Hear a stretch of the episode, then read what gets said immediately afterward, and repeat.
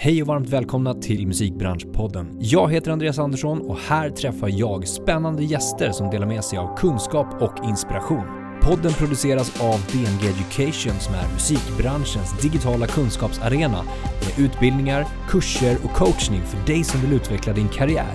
Dagens avsnitt är helt på engelska när jag träffar Nicole Palacio. Nicole har över 20 års erfarenhet från musik och medieindustrin där hon har jobbat med allt från bokning av turnéer, varumärkessamarbeten och just nu jobbar som Director of Strategic Partnership på International Music Council.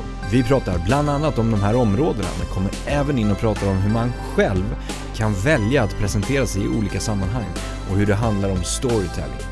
Vi pratar även om olika initiativ som Nicole är eller har varit involverad i. Till exempel She Said So som är en global community av kvinnor, icke-binära och allierade i musikindustrin. Vi kör igång! Welcome to Musikbranschpodden, Nicole Palacio. Thank you very much for having me, Andreas. It's so, so nice to have you here. Finally. Yes. Yeah. it took Some uh, travels. Some travels, yeah, exactly. Some flus. yes. uh, but finally, I some made it to the rescheduling, seat. but so yes. now we're thank here. you. Yes, I'm it's very gonna, grateful it's, to it's, it's um, really nice to have you. I'm, I'm really looking forward to talk to you and dive into your knowledge and your experience in like the music industry and media industry because Mm-hmm. you have a lot of experience from that. yes. And we're going to talk about partnerships as well. We're going to talk about agency. Mm-hmm. Uh, we're going to talk about rights, Mm-hmm. five rights to be specific. Uh, but we're gonna dive into that a little later. Can you start with giving us a like a brief summary Mm-hmm. um, of what you've done in your career and where you are right now? Um, I think. I think I don't, I don't know how far should I? I mean, how, how far back we should talked I go? about that as well. How, where do you start? right. How do you choose to start? Why do you choose to start with that one? Mm-hmm. And like, it depends on on the situation, right? Yeah, so I think um, if I had to just sum up what I do, it's definitely musical entrepreneurship. And uh, in two specific areas. One is in live touring and you know the live experience of music, and the other area is in uh, brand partnerships and strategic alliances um, with the cornerstone being you know music and the creative arts. So um, my my goal initially when I started working was to work in the music industry. Uh, I had read an article um, when I was I want to say 11 or 12 years old in a magazine called Sassy that was then called Jane. It was like the teen feminist magazine of the mid 90s in the United States. And I read an article of a woman who had a career as the marketing director at Def Jam Records, and I hadn't realized that these sort of career opportunities had existed by then. I thought working in the music industry was performance, and I hadn't really thought of the business side of things. But I read about what she did, and I'm like, wow, that's so cool. And so it was also in the line of, you know, how can I make music such uh, an important part of my life without having musical talent? And that goes into uh, working on the business side of things. So Yeah. um, that was a natural trajectory. I went to school and I studied music at the University of Southern California in Los Angeles. I got a degree in business administration and in music. Uh, and I spent several years interning at as many different companies as I could Virgin Records, Universal Music Publishing, um, uh, the Latin American Music Conference. Um, another PR company and settled that live er- entertainment is where I really wanted to be. At that time, I was also really into going to raves and just found the euphoria of a dance floor and just being in a moment. Uh, you know, obviously pre social media as well. Just, you know, so special. And uh, I really wanted to, you know, kind of have that be a part of my daily life. So I settled in in the uh, boutique agency um, that specialized in uh, representation of electronic music, and then and learned all the trade there. And then 2008 started my own agency um, and represents uh, several electronic music producers and DJs today. Uh, while working at my agency, I also fell into another role uh, in the advertising industry. I was the sales director of an outdoor advertising firm, and soon after became the director of strategic partnerships and uh, experiential marketing at a uh, real estate developer in the U.S., one of the biggest in the United States, and sort of managing the, the experiential uh, marketing programs and the sponsorships that happened at their venues in Los Angeles. Um, and in that role, it was working with a lot of big brands, everything from you know Coca Cola to Netflix to Samsung Citibank, um, you know, Visa, and uh, creating experiences for that brand at these venues. And um, what uh, uh, figuring out what the value of the brand was whether it's you know tapping into specific demographic or um, was it just you know trying to sample a product to as many pe- people as possible or to get in front of fashionistas or you know whatever was was the the the value to that brand at that time and creating a lot of proposals and whatnot for um, for for these brands. So for many years I worked both roles concurrently, but not really realizing where they were going to intersect, but knowing that they would eventually. Mm. Um, and then after realizing I didn't want to work at a corporate company slash desk job, I left and started my own partnership marketing consultancy, specifically working with arts and culture clients, and a lot of those clients uh, from the music industry. Mm. So that was where the That's intersection a great was. summary. So let's dig into your current role. Mm-hmm. Uh, we, we talked about IMC, the, the shortening. It's it stands for International Music Council. Right. How many of you out there are uh, familiar with what they do or what you do? Mm-hmm. Uh, we talked about it. It's not many. No, that know what you do. It's definitely not, and that's part of the reason why I have this role with yeah. the International Music Council as the director of strategic partnerships there. So um, I came into this role because I had started a program here uh, in Sweden uh, shortly after I moved here. It was called uh, uh Impact Invest. Um, and it was a program sponsored by the Swedish tax agency to support immigrant women, small business owners to grow uh, their businesses in Sweden. Mm. And uh, I was assigned a mentor, um, this wonderful woman, Karina Broman, who um, sits on a lot of arts and culture boards here in Sweden. And she had introduced me to Alfons Karabuda, who I understand has also been on your podcast yep. in the past. Um, so not only is he on, uh, you know, the director of, of SKAP and on the board of STIM, but he is also the president of the International Music Council. And so um, we got to, you know, talking a lot about, you know, where the council uh, would need to grow. And a lot of that is in brand awareness, um, in connectivity to new and emerging industries, particularly technology. Um, and also just, you know, expanding in different geographic regions. When you talk about an international music council, I mean, it's a lot of things, and it is a lot yeah. of things. So uh, it is a network of networks. It uh, has thousands of member organizations in over 150 countries, uh, reaching something like 600 million people in music um, that are all part of the music ecosystem. And so the council serves as a way to connect those different parts of the ecosystem, um, and you know support the the values of music. Um, it was founded by UNESCO uh, almost 75 years ago, and its mission is to bring together ideas, people, and actions that advance the five music rights for all people and uh, promote the value of music in the lives of all people. So, um, as a director of partnerships, my goal is to strengthen that connectivity. Um, and we do that by way of value creation to fulfill mutually beneficial goals, like I was alluding to earlier. So, IMC, uh, we need brand awareness, we need funding, we need member benefits. So, I try to find partners who can fulfill some of those needs while we also can provide a service to their needs. For example, if they're a festival or conference, perhaps they need event programming. Um, if they're a new technology and they want to launch, say, in Asia or in Africa, we can help with uh, connecting them to the right people to do so. Um, so again, it's looking for the intersections of where we can mutually benefit.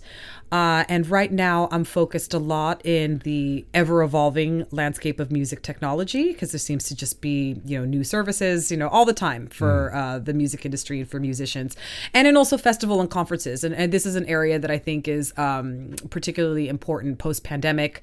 Uh, people are meeting up again and exchanging ideas again, and we want to be at the forefront um, of thought leadership when it comes to exchanging those ideas and uh, being someone that comes with, you know, with a lot of heart in the live music experience. I think um, investing in in person conferences is um, amazing way to mm. not only raise brand awareness, but yeah, to talk about new ideas and how to grow things.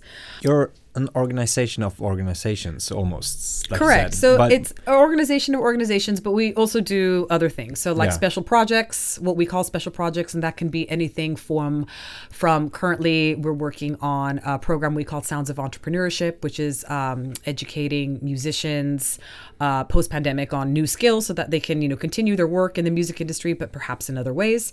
Um, we also work with, for example, the Polar Music Prize here in Sweden to highlight you know five music rights champions around the world that should be recognized for um, you know their work in music and in building bridges through music. Uh, you know, by the Polar Music Prize.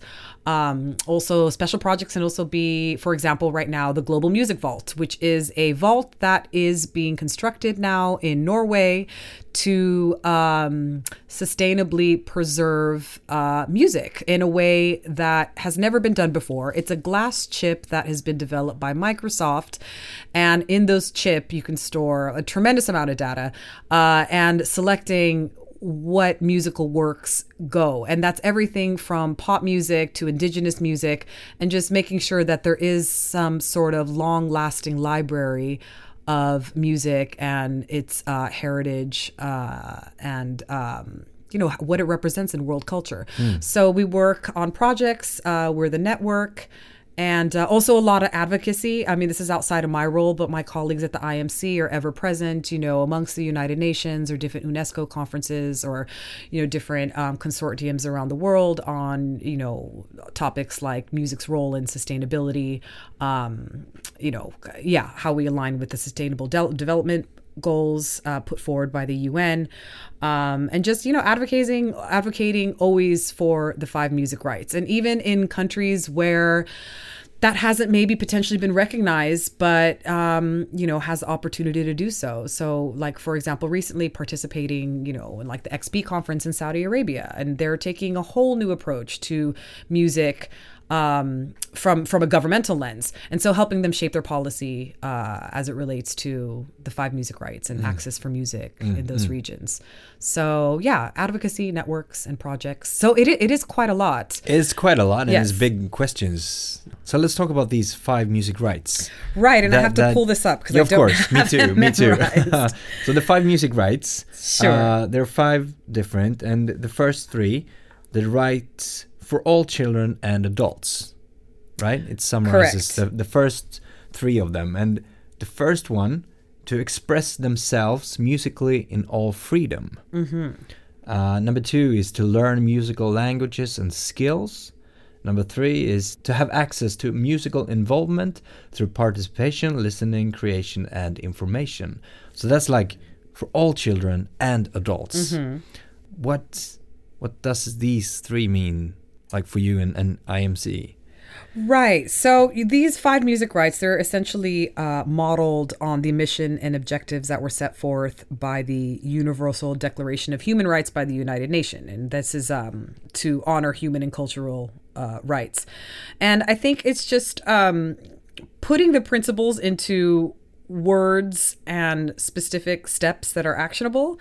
So, I mean, essentially was it what to me what it means is that um, you know imc stands for the universal access to music to the equal value to all musical cultures and all musical genres in all countries and the support of all artistic economic and societal music aspects with respect. So you know despite um, you know, any sort of you know backgrounds or you know different uh, you know race, religion, sexual orientation, whatnot, but to approach all these um, you know with the respect that they deserve. And so uh, I think that's summarizes what the five music rights all about. I, th- I know maybe the, the last point about the artistic, economical, and societal music aspects are touch more on uh, right four and five, Yeah. which are the right for all musical artists. Number four, to develop their artistry and communicate through all media with proper facilities at their disposal. And five, to obtain just recognition and fair remuneration for their work. Um, the last one has been really important to the IMC as of late um, because, you know, the different technologies that are available with streaming services, with artificial intelligence, um, you know, who has their eye on protecting the musicians and the rights for their their work and their creativity. So you know, and that is it means different things to different people. Um, the our current president Alfons, being that you know he does have such a strong background, not only as an artist and composer, but also on the you know the rights associations here in Sweden. He's a, a very vocal advocate for fair remun- remuneration of work and using technology to facilitate that. Um, so yeah, I think that's one area of, of particular focus right now at the IMC, and and that conversation is ever developing. so let's see where where it lands. Yeah. So do you have these four, five rights in front of you when you when you discuss new partnerships or when you like Yeah, evaluate the- absolutely. the I, I, next I, I think goals? you have to. I mean, you know, with the IMC, it is a nonprofit, so you know, um, and and we have to put these rights uh, in in this very, you know, not only like visual, but you know, concise in in words that people can digest. Because when we are um, searching for partnerships, we're essentially searching based on our values, and it's really difficult sometimes to you know raise funding, raise awareness just on values. Like, of course, you can send these five views of rights to a lot of you know brands, and be like, oh, this all sounds great, but you know how is it going to benefit you know what we're doing as a brand or Yeah. you know what our shareholders expect? And you know these are all like um, questions that you know we do need to answer. And a lot of that is is is can sometimes can just boil down to like hey let's partner together on something because you know we can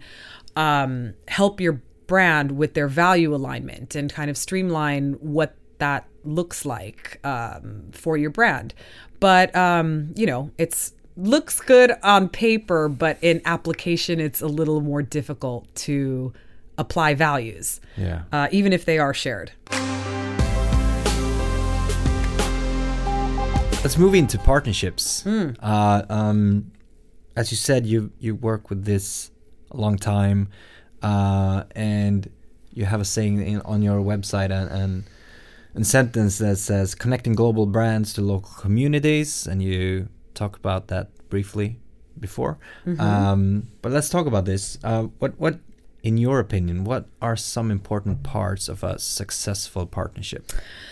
So I think um, it's a, certainly a growing area of business. I mean, you know, brand sponsoring artists is nothing new, but I think the ways in which that patronage exists has changed a lot in the last few years, um, especially with the sheer number of platforms that are now available to sort of um, execute those sort of that sort of um, sponsorship programs.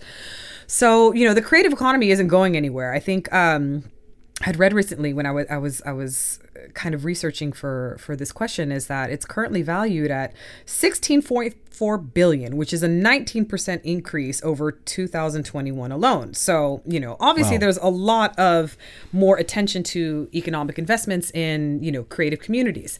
Um, but, you know, creative communities usually start grassroots and that's um, I don't think that trend is is is or I don't think that's going anywhere. That's going to continue to trend.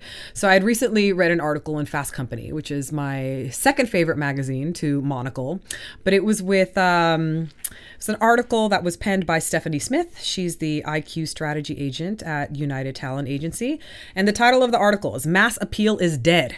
So post and share rates are down, and people are looking to smaller groups and to more tight connections and that our cultures become so much more nuanced and that totally makes sense. We have access to so much information now so we can really like go like micro into our interests. And so um, you know brands recognize that and they recognize that it's an important component to brand building. Um, and this especially so in music because music you know it's it's it's an intersection for creative industries. How do you think smaller acts, smaller artists, producers, songwriters can think about like partnerships, collaborations? Should they look for bigger brands or brands in their like similar I would start size? local. Yeah. start local within your own communities. You know, like start with like you know your friends that are starting a fashion line, and Yeah. how can you guys help each other out? Or you know, your friend that might is maybe is a chef, and you want to do some sort of like sound and music tasting menu of sorts. Just like start in in small ways and just find the find the intersection. Uh, and and and I think that will you know that can mutually benefit both you and whatever other industry or brand partner um, you're working with. Yeah.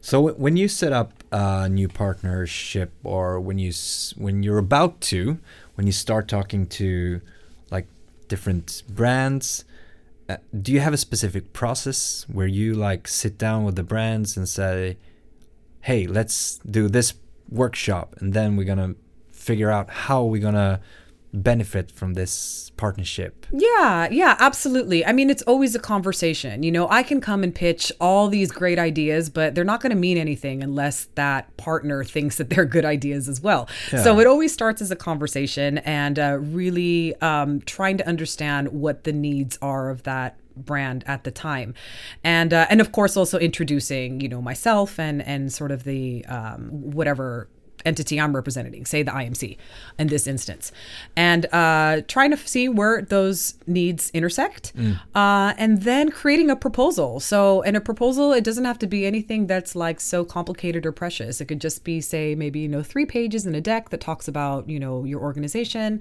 and um, what are the deliverables, like what are the specifics that that brand is going to receive from you. What are the benefits, the partnership benefits, uh, like essentially telling the brand why they should do this, and then um, leave it open to a follow up conversation. Like, hey, here's a start for you to really think about what the possibilities are here. Let's refine this on what you think works best for your brand, and then refining to maybe a second proposal or a third proposal or something along the lines as to when it feels really right like it's it's sort of hitting all the marks uh, of that intersection of mutual benefit Yeah. Yeah Let's move on. sure Um, so you do a lot of more things as well, more initiatives yes i keep my with. cup very full yeah, we're gonna talk about how you prioritize your time later on as well. Mm-hmm. But um, she said so. Uh, it's described as we are a global community of women, gender non-conforming people, and allies in the music industry. Mm-hmm. And that started in the U.S. No, right? it started No? in London. Yeah, London. Uh, yes, so it started in London in 2014. Um, the founder, uh, Andreea Magdalina, and um, she she also uh, comes from the electronic music background, and uh, she started She Said So locally, but since it's it's really taken off, I want to say it's like well, it's definitely over 20 global chapters and over 12,000 members um, all over the world. Yeah, and when you say chapters, it's it's The chapter based on- connected almost. Uh, yes. So a chapter, for example, the Swedish chapter Yeah. or the Los Angeles chapter. Yeah. And so, yes, so it's all you know uh, tied into some sort of geographical region, but it's uh, you know welcoming people of all different backgrounds in in the music industry. So um, I was a member in Los Angeles, and I found like the resources and the network were really great. You know, they were holding uh, workshops on you know goal mapping to you know um, financial planning for the future to you know artist marketing, um, and it was just a great community touch point and. Um, you know all built on on the mission yes to connect and to empower underrepresented communities toward a more equitable and intersectional music business for all. So um, i was really happy with uh, the the work in la and then when i moved over to sweden i was you know looking for different uh, i was looking for more community here specifically in the music industry. Um, of course for me there's a, the language gap uh, as i do not speak swedish yet. And so i wasn't able to find a whole lot uh, and so then I contracted uh, Andreea, who at the time was living in LA as well. So so I, I knew her from um, you know the LA chapter, and said like, uh, hey, you know, do you know any other networks in Sweden that could potentially be um, you know a, a part of? And she said, well, why don't we start like a Swedish chapter? And she connected me to Dina Leiberg, who is Swedish, but Dina was a member in the London chapter and had also recently moved back to Sweden. And so Dina and I got together and we decided, sure, we're going to start this chapter, um, you know, set the wheels in motion. Um, and, uh, you know, we really thought, or no, we do really think that this could be something really powerful here in Sweden. I, I think, you know, the music industry in Sweden is, is quite unique that Um, you know, Sweden is a global leader in music technologies, um, also in musical hardware. It's also a huge creative hub for songwriters and producers. I mean, everything from ABBA to Ace of Base to Avicii. I mean, it's it's all here, and so it's a unique platform to make some interesting strides. Not to mention, it's already made tremendous strides in gender equality. So you know, how can we use that as a model for you know other chapters in a way? And so. Um, so we launched the chapter here, you know, with the, the same mission, um, and just started to, you know, brainstorm what are some educational and inspirational events, both online and offline. Um, where can we provide mentorship and network? You know, how can we highlight member achievements or uh, job resources? Um, or accomplishments of our allies? Um, are there any other companies that we can collaborate with on diversity inclusion campaigns? You know, she said so as a global organization has worked with, you know, Patreon and TikTok and YouTube Music and Sonos, like a, a lot of pretty big brands. But how can we do that on a micro level here in Sweden? Um, and uh, yeah, launch the network and you know started small, but I, I think there's there's a fair amount of members now, maybe close to like a hundred. And um, I'm no longer a part of the board because after I had my child um, almost two years ago, had to create a bit of space for myself. But I'm still an active advisor, and uh, Dina still is the uh, chair of She Said So Sweden, and uh, I think it's it's going quite well. Let's talk about the agency. Yeah. That you run. Uh, how long have you done that? Since 2008. Yeah. So um, it's an agency that I formed after leaving an, another agency that I was working for. Um, and uh, I'd started the agency. Like my first two clients were actually just like two friends of mine, and you know they were local DJs in Los Angeles, and started to get requests to play, um, you know, outside of LA and then in Europe. They knew that I had experience on, you know, running a talent agency, and asked if I would start working with them, and I said, yeah, sure, of course and um, you know with the first shows being like quite small. But um, gosh it ended up just like really taking off like after a couple years. And uh, working with these american artists i was uh, touring them a lot in europe and asia. I mean you know 50 countries on all continents uh, we were organizing tours. Um, but a lot in europe. And so these american artists were traveling off into europe and uh, european artists started to take note like oh who are you working with and they started to refer me over to um, these European artists, and that's where the business really built is being sort of this um, uh, the bridge between the Americas and Europe, uh, particularly in, in, underground techno. I should also preface that this is the genre of music that that I'm specializing in. Um, underground techno being definitely more Detroit, Chicago leaning, or you know the style of techno that you would hear like on Berghain in Berlin on any given weekend. So those are um, sort of the musical vein that I'm working in, and the agency has since. Um, you know, developed to represent about uh, 20 to 25 artists. I can't remember how many we have on the roster right now, but uh, it's it's around there somewhere. The, the, the question that comes to mind is, and how do you prioritize your time? How do you choose which progress projects to work on? Right, exactly. Um, I think the you know most importantly is just have an honest conversation with myself on like the value alignment yeah. uh, of my values and how they align with that work. Um, and that can really change over time. So, you know, to give you an example, um, you know, when I started my booking agency, one of the biggest benefits of that role was being able to travel with the artist, you know, from Beijing to Buenos Aires to Berlin. It was really fun. And, you know, you're kind of going to all these like, you know, fabulous, you know, clubs and music venues around the world. And, and I really love that.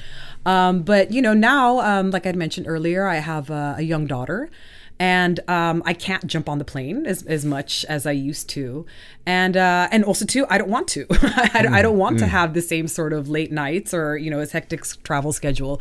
I really want to be uh, you know present for her, present for my family, and so um, so yeah, I would say those values have definitely shifted. And so how I look at what tasks are fulfilling for me at the agency or what type of clients I work with. That's very much changed than maybe 10 years ago. Um, another, you know, example of assessing value alignment is um, now putting in more effort to the partnership uh, consultancy. Um, I think recognizing where I'm at in my career, that I have uh, more influence and experience, that I can use that to you know create value for uh, arts and culture institutions.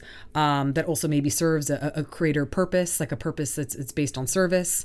And uh, I can do that now, but I wasn't able to do that 10 years ago. So I wasn't really thinking of purpose and service built work then, no. but I am now. Yeah. So I think, um, you know, constantly asking myself, you know, yeah, where are my values right now? And then shaping the projects around that. Um, you know, and then there's certainly other, you know, ways to to streamline work. Um, you know, finding support. Um, I have used, for example, virtual assistants in the past. There's also like a wealth of like new AI and digital tools um, that I still need to learn about. But you know, there are ways to work smarter. Yeah. Um, you know, blocking time is important. For example, like I only do phone calls on Tuesdays, um, okay. unless, unless they're you know urgent, of course. But if it's you know exploratory, uh, I try to just do them all on Tuesdays. And for example, Wednesdays I don't schedule anything because you kind of need a day just to flow in your work mm. and to start a project and not finish it until it's done. Uh, without interruption. Um, I think learning when to say no is super important and that does come easier over time but you know for a while I, I i, certainly i wanted to say yes to everything yeah but realizing that you know you can't be good at all things at all times. So knowing when to say no is important, and also knowing when to say yes. So um, a good example of that is a project I worked on last year. It was called the Creative Footprint. It was a um, project that was commissioned by the Stockholm Tourism Bureau and the Association of Landowners here in Stockholm on how to foster creative spaces. And um, this came from um, you know post pandemic, a lot of creative spaces were suffering. Um, I think also you know the Tourism Bureau. Uh, um, and Stockholm City wanted to find ways that they could foster these spaces to keep a creative industry in Stockholm and, and to just, you know, have more um, of a creative agenda. Also, landowners, how to use, you know, their uh, spaces on a more 24 hour way, for example. So, um, this study was Creative Footprint was created by uh, Vibe Lab. It's a company out of Amsterdam and Berlin, headed by the former night mayor of Amsterdam and uh, the head of the Berlin Club Commission uh, on how to study the current landscape of creative spaces and to make recommendations to the city on um, how to create policy that supports creative spaces for the future and arm these creative communities with data that um, they could use for their cause to keep their spaces vibrant. I mean, creative spaces really are what make a city unique. So I really wanted to work on this project, being that I was relatively new to Stockholm and wanted to, you know, get a better understanding of the landscape um, and also increase my network. And this just seemed like the perfect project to do that and get paid and, mm. and actually have a reason to start reaching out to people uh, to introduce myself. And I, I don't think I was necessarily prepared to take on a new project, but it was just like, gosh, I really need to do this. And I listed the support of my husband and my mother in law. And, um, you know, found a way to make it work. And I'm so glad that I did. And even if it was a bit of a, a, a challenge and, and, and pressure, and I'm sure it's not for everyone, but at the time, this really made sense for me. And it was, uh, a, a, a, very much a hard yes. So that was an example of when to say yes. Yeah. Nicole, thank you so much for a great conversation and taking the time to come over here to Reimersholme ah, and talk about you. you. no, thank you. Thank you so much for having me. I think, uh, yeah, I even learned something about myself today. So I was very, very grateful for the, the time and the space to be able to do this. Thank you.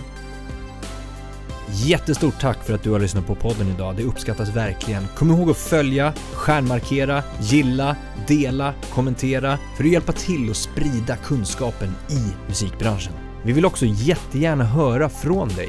Vilka utmaningar står du inför? Vad tycker du är svårt? Vad tycker du är lätt? Vad vill du höra? Vad vill du veta? Vad vill du lära dig? Hör av dig till oss på info at